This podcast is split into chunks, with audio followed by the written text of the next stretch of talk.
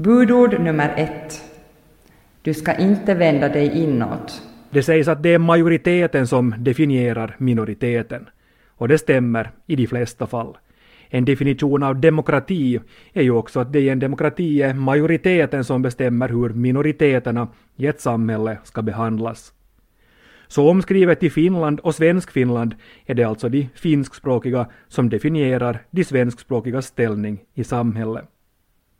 En av landets största opinionsbildare är Helsingin Sanomat. Och på Helsingin Sanomat har det under den senaste tiden ofta varit redaktionschefen Erja Ylajärvi som skrivit om Svenskfinland och det tvåspråkiga Finland. Jag har undrat om, om det är nödvändigt att allt se allt sådär liksom som så stora saker.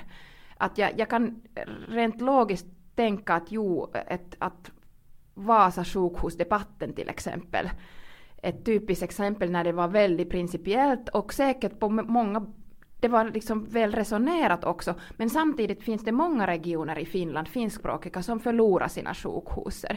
I Kymmenedalen från Kouvola måste man nu åka till Kotka. Det, men, men det är liksom att, att inte allt handlar faktiskt om, om svenska språket. Eller det kanske delvis handlar om det, eller till och med till majoritet av det, men det kan finnas andra aspekter som är inte li, lika principiella. Och jag säger nu inte att alla finlandssvenskar förstås anser så, men att det lätt blir väldigt stort och, och sådana liksom existentiellt när det gäller språket. Erja Ylajärvi skriver ofta utifrån egna erfarenheter som tvåspråkig. Hon lever idag ett i det närmaste helt tvåspråkigt liv. Jag blir förstås nyfiken på hur det blev så för en kvinna från östra Finland. Av slump, det är en klassisk historia. Min, äh, jag blev ihop med en man som var svensk, är svensk och äh, kunde inte finska. Så det var bara att byta. Jag är ursprungligen från Kuopio, östra Finland. Och var såna, förstås gick i skolan med det som vi väldigt tydligt kallade för tvångssvenskan, så därifrån kom det inte. Sen åkte jag faktiskt ett halvår utbytes, ähm, som utbytesstudent till Stockholm från universitetet och jag tänkte att nu ska jag göra något åt min svenskan men det funkade inte heller. Sex månader det var inte tillräckligt. Så det var bara egentligen när jag fick familj äh, som jag började använda svenska på riktigt och nu är mina barn går, går på skolan och på förskolan på svenska så nu är det liksom också en del av vardagen. Erja har alltså sina rötter i en av landets absolut mest finskspråkiga trakter. Nu har hon den ena foten i det finska Finland och den andra i svensk Finland och steget in i det svenska Finland beskriver hon som intressant. Samtidigt har jag blivit väldigt medveten om sådär att finlandssvenskarna diskuterar Finland ur helt annat perspektiv än vad vi kanske gjorde där i östra Finland eller gör det i finsk Finland nu för tiden också. Att det liksom både på vardagslaget mycket sådana bekant men också sådana lite sådana intressant att aha, ni har sådana här diskussioner, jag visste inte om det. Kan du ge exempel på diskussioner som du tycker att är annorlunda i svensk Finland i jämförelse med övriga Finland? Det handlar mycket, mycket mer om identitet. Det, det är liksom det, man får intrycket av att det är liksom identitet är en sån avgörande del av diskussionen. Och förstås liksom finskspråkiga också, Finland är ett litet land och alla har vi våra regionala rötter så talar vi också om sånt. Men, in, men inte på samma sätt. Så det har varit det största intrycket. Det som kanske har överraskat Erja allra mest är det att finlandssvenskarna som kollektiv är så rädda för förändring. För henne har synen på vad som är en majoritet och vad som är en minoritet ändrats efter att hon delvis har klivit in i en svenskspråkig finländares tankevärld. Jag visste aldrig att jag var så hotande. Jag som är liksom del av majoriteten därför att jag var uppväxt sådär östra Finland här lite långt borta och stora Ryssland där bredvid. Och plötsligen insåg jag att jag, jag, jag, gör en, jag är en del av majoritet. När jag alltid hade tyckt att Finland är liten och Sverige är stor och Ryssland ännu större. Att det var en väldigt intressant känsla. Att jag är en del av majoritet som på något sätt ibland till och med anses vara lite hotande. Erja Ylajärvi är mycket noggrann med att skilja på finlandssvenskar som individer och det hon kallar för institutioner eller Svenskfinland på ett samhälleligt plan. Hon säger att individer ofta är inbjudande men att institutionerna snarare är inåtvända. Jag har funderat ganska mycket på det. Uh, förstås när jag själv har kommit in i, det här lite sådär utifrån men att, att det måste vara att det här språket är så stor del av, av identitet och det är på något sätt nästan personligt på många plan. På ett sätt det inte kanske är för mig eller för, för andra finskspråkiga. Nu kan jag inte generalisera därför att just, just här är, är många som är faktiskt tvåspråkiga. Men det, måste, det, det, det, det verkar vara sådana lite känsligare område än vad jag hade förstått tidigare. Kan du ge exempel på, på när du tycker att, att finlandssvenska institutioner blir inåt, inåtvända? Ja, skolan skulle vara min första. Alltså på, på sådana vardagsnivån fungerar allt jättebra på skolan. Barnen går dit på finska och barnen går dit på svenska och allt fungerar. Men att, att till exempel just diskussionen om tvåspråkighet inom skolan, tvåspråkigheten överhuvudtaget, sådana liksom att hur, hur skulle vi göra det här på praktiskt sätt?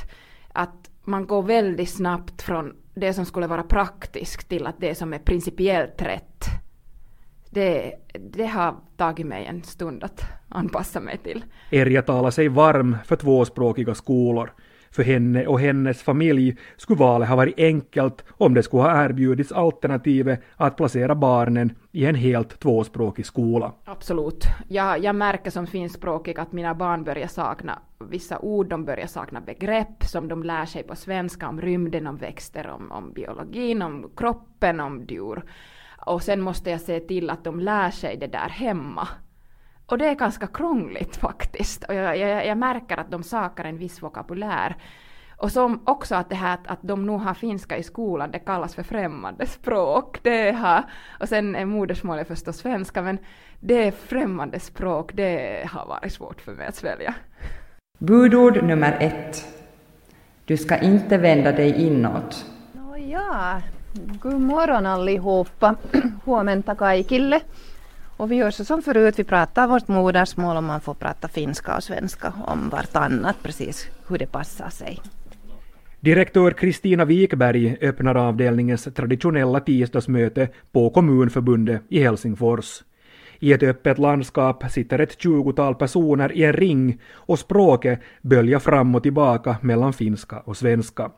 Åtminstone under den tid jag är närvarande för att följa med mötet så fungerar den här blandspråksmodellen alldeles utmärkt.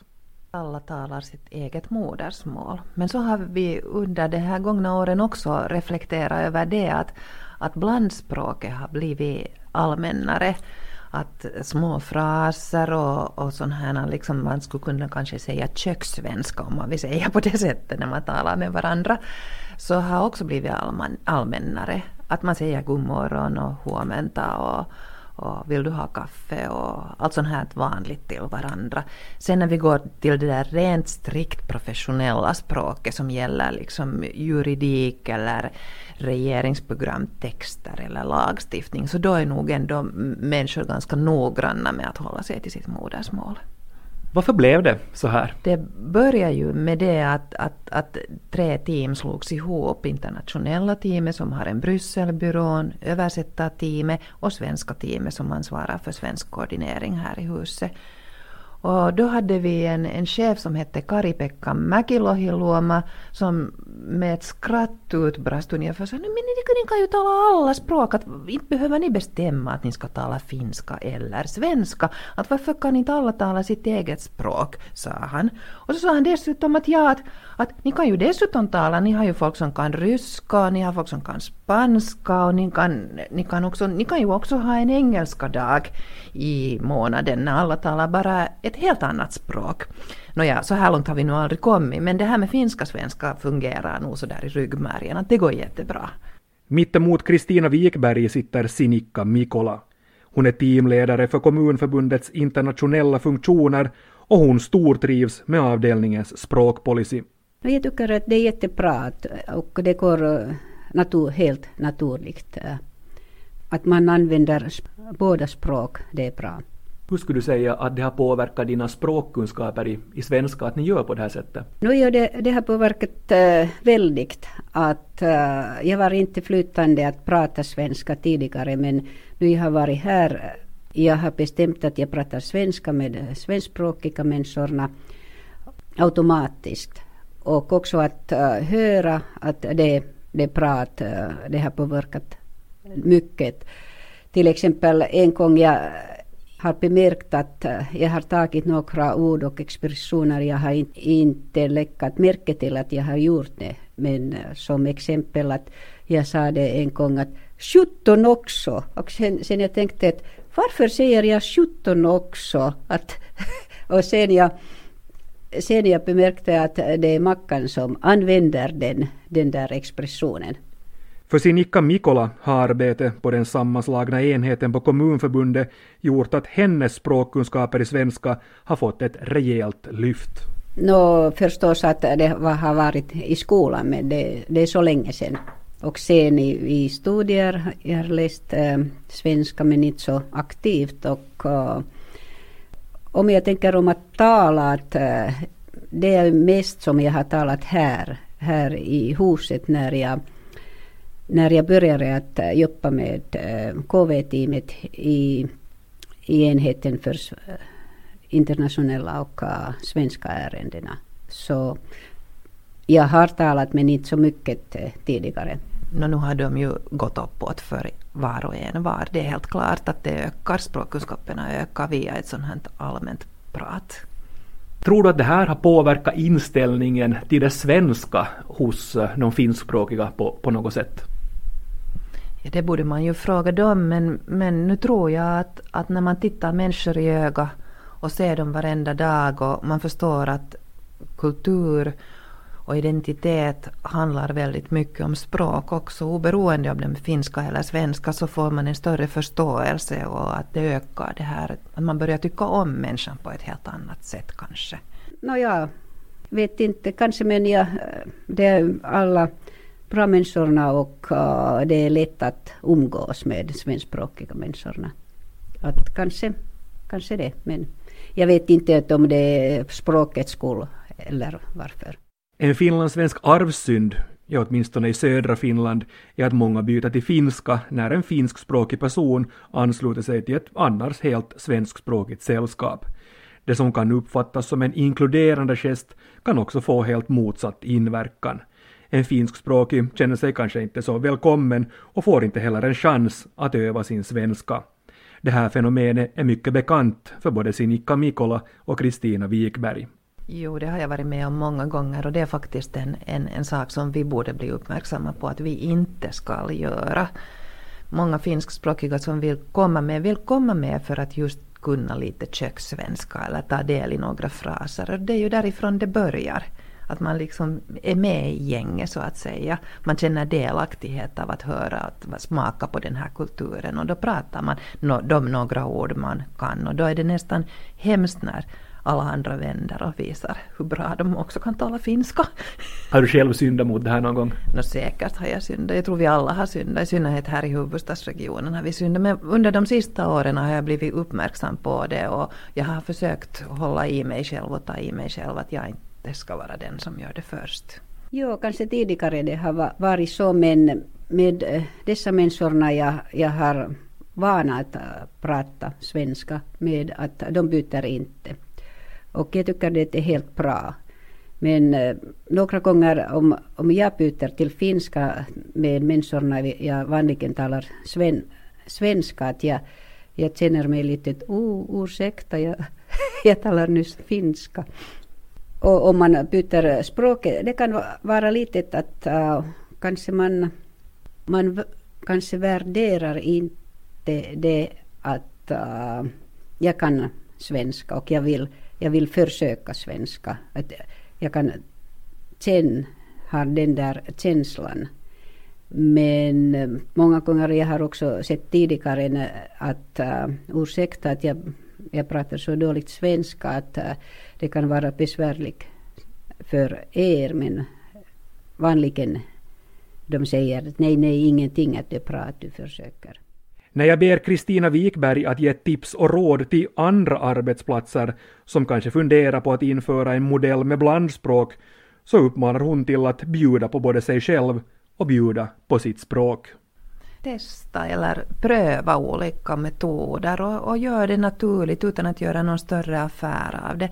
Sätt lite humor och, och sån här eh, kanske lite avslappnad stämning med i det och, och, och börja med den där kaffekoppen och, och, och, och, ta det riktigt lugnt. Prata om vädret och prata om gemensamma frågor. Börja inte med den där svåra juridiska paragrafen till först. Avslutningsvis tillbaka till Helsingin Sanomat och redaktionschefen Erja Ylajärvi. När jag berättar för henne om språkanvändningen på Kommunförbundet och den levande tvåspråkigheten där, ja då blir hon eld och lågor. Det låter helt fantastiskt. Att jag kan tänka att även om det inte var finska och svenska, jag kan tänka på andra europeiska länder där språket lite är en issue. Att det låter, om det, om det är naturligt och alla går med och alla får äh, göra som de vill, jag tycker det är liksom briljant. Så borde det faktiskt vara.